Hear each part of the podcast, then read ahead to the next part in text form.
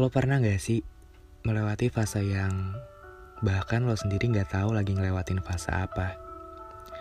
Rasanya capek, tapi gak cuman capek di fisik, tapi juga capek hati. Dan satu lagi, lo pernah gak sih ngerasa bodoh? Ngerasa yang bodoh banget, tapi itu semua rasanya jadi biasa aja kalau dia udah ada di depan mata. Lelah nggak ngelewatinnya? Dan yang terpenting, apa kalau sendiri bahagia? Sebelum sama-sama kita bahas lebih lanjut, gue mau nanya ini, gimana kabar kalian di minggu kedua tahun 2020 ini? Apakah sudah banyak terima kabar baik? Atau malah jangan-jangan udah ada hati yang terpatahkan nih. Nah buat kalian-kalian yang mungkin pernah atau lagi ngerasa fase yang udah berjuang tapi kok malah disia-siain. Sama banget nih kayak tema pembahasan kita kali ini. Mungkin bertahan bukan pilihan. Ya udah yuk, daripada nunggu lama, langsung aja kita mulai kan. Bertemu lagi via suara bersama gue Bagas di podcast Kita dan Waktu. Sayang boleh, goblok jangan. Mungkin itu adalah kata-kata yang tepat untuk mewakili topik ini. Gue selalu bilang, makna cinta yang sesungguhnya ialah dipertemukannya dua insan untuk sama-sama ya sama-sama saling mencintai, mengasihi dan saling merasa memiliki. Eh tapi kalau di fase ini yang merasa memiliki cuman kamu tapi dia enggak dan kalau selama ini yang berjuang cuman sendirian apakah hal tersebut masih bisa disebut sebagai cinta? Menurut kamu gimana? Jawabannya bisa disimpan di hati masing-masing ya. Oh iya, kita semua mungkin pernah lewatin fase apa pun itu baiknya dimaafkan aja. Di positif side-nya adalah memaafkan merupakan salah satu hal yang mulia. Kita nggak bisa memungkiri. Tapi nggak semua hal di bumi, nggak semua masalah di bumi bisa terselesaikan dengan kata maaf. Kamu harus tahu baik boleh, tapi terlalu baik justru bahaya.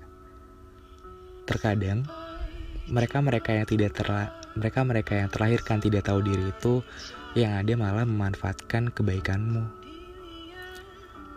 Kalau dia salah atau kalau mungkin dia sampai ketahuan jalan atau bahkan selingkuh sama yang lain, dengan begitu lu gue serta polosnya kamu bilang, ya udah deh gue maafin. Lain kali jangan diulangin lagi ya. Itu yang sering kali kita dengar. Sekali dua kali dia ngerasa bersalah. Tapi setelahnya dia jadi mikir tuh kamu yang udah diselingkuhin, udah dijahatin, udah disakitin, dan dia tahu kamu masih tetap sayang dan memperjuangkan dia. Iya, dijadiin celah dong dijadiin celah tuh kebaikan kamu. Di sisi ini sih gue pribadi sering mikir, kadang kita jadi orang baik aja masih sering dijahatin apalagi kalau jadi orang jahat ya. Lo sering mikir gitu juga gak sih? Nah, untuk para pendengar setia gue, gak ada salahnya kok memberi maaf kepada mereka-mereka itu. Tapi yang menjadi masalah adalah ketika kamu terlalu mudah memaafkan sesuatu yang mungkin lambat laun berjalan akan menghancurkan diri kamu sendiri. Jadi untuk kalian yang sering mikir, kalau mungkin kamu gak pantas buat dia, kamu yang lama-kelamaan merutuki diri sendiri, tolong banget buat denger. Bukan kamu yang gak pantas, tapi bisa aja dia. Dan dia dijauhkan dari kamu karena mungkin dia bukan orang yang tepat atau bisa jadi karena semesta nggak mau lihat kamu hancur untuk kedua kalinya. Iya, dia yang gak sebanding dengan tulus dan lembutnya hati kamu.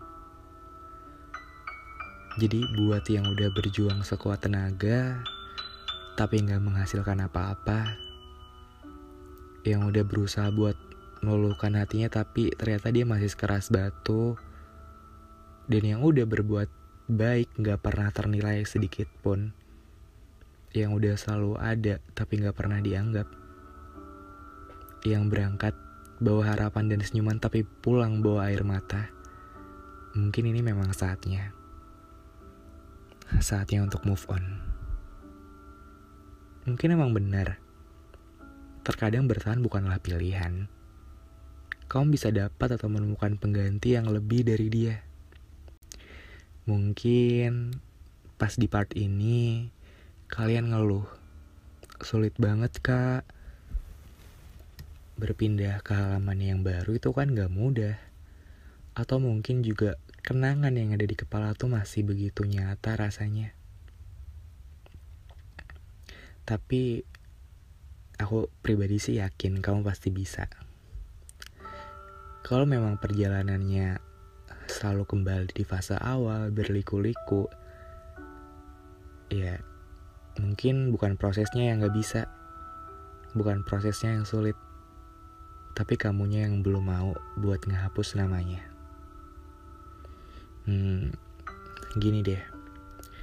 Kalau memang masih terasa sulit, masih terasa begitu sakit, coba deh kita kenalan sama yang namanya fase mengikhlaskan. Tanamkan bahwa kamu boleh suka sama dia tapi kamu juga gak bisa buat memaksakan kehendak orang lain. Kamu juga harus tahu bahwa kalau kamu suka sama dia, dia juga berhak buat gak suka sama kamu, berhak buat gak balas perasaan kamu. Karena yang namanya makna cinta yang sesungguhnya adalah memperjuangkan dua kebahagiaan, bukan satu kebahagiaan aja. Aku tahu kok, mungkin pas dengerin ini sakit banget. Aku juga pernah ngerasain gimana sakitnya cinta yang bertepuk sebelah tangan, suka yang dipendam-pendam. Tapi bukankah lebih sakit hubungan yang udah di ujung jalan dan gak punya arah dan tujuan apalagi yang berjuang hanya sendirian dan memilih masih bertahan. Sakit banget gak sih? Coba deh kamu renungkan baik-baik. Kalau mau nangis, silakan nggak apa-apa kok nangis dia mungkin emang nggak berhak buat dapat air mata kamu buat air mata kamu turun dia nggak berhak nggak apa-apa kok ngerasa bodoh ya nggak apa-apa itu semua untuk yang terakhir kali buat nangisin dia karena kalau kita nggak ngerasa bodoh, kita nggak bakal belajar untuk tahu rasanya jadi pinter. Kalau kita nggak ngerasain sakit, pasti kita nggak bakalan menghargai waktu-waktu pas kita lagi sehat dan kita nggak bakalan berjuang untuk bisa tahu rasanya sembuh itu kayak gimana. Sama seperti pelajaran yang ku dapatkan pelajaran berharga dari 2019 untuk 2020 yang makna pesannya adalah Perjuangkan apa yang membuatmu bahagia. Genggamlah. Tapi kalau sesuatu itu sudah sampai di fase yang menyakiti dirimu sendiri, ada baiknya untuk dilepaskan. Karena kan nggak semua harus sesuai sama apa yang kamu mau. Iya, aku tahu manusia emang bisa berencana kok.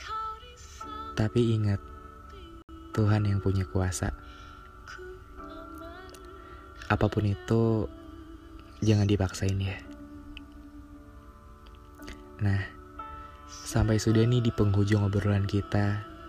Semoga podcast kali ini dapat menyadarkan para pendengar-pendengar gue yang mungkin ada di persimpangan jalan dan bingung mau ke mana. Semoga apa yang kita bahas dari tadi bisa sedikit banyak kasih insight ke teman-teman semuanya buat ambil keputusan ke depan. Makasih banyak ya yang udah mau dengerin dari awal sampai akhir dari episode 1 sampai episode 11 ini. Gue record ini di tanggal 11 dini hari tepat jam uh, eh, 2 kurang 10. Dan tepat di tanggal 20 mendatang, buku gue yang berjudul Kita dan Waktu bakalan terbit. Jujur gue deg-degan banget, karena ini pertama kalinya gue bikin buku puisi yang judulnya sama kayak podcast ini. Gue harap semoga nanti kalian bisa jemput dan bisa baca bukunya. Semoga kalian juga suka sama seperti saat kalian dengar podcastnya. Ya udah, uh, gitu aja.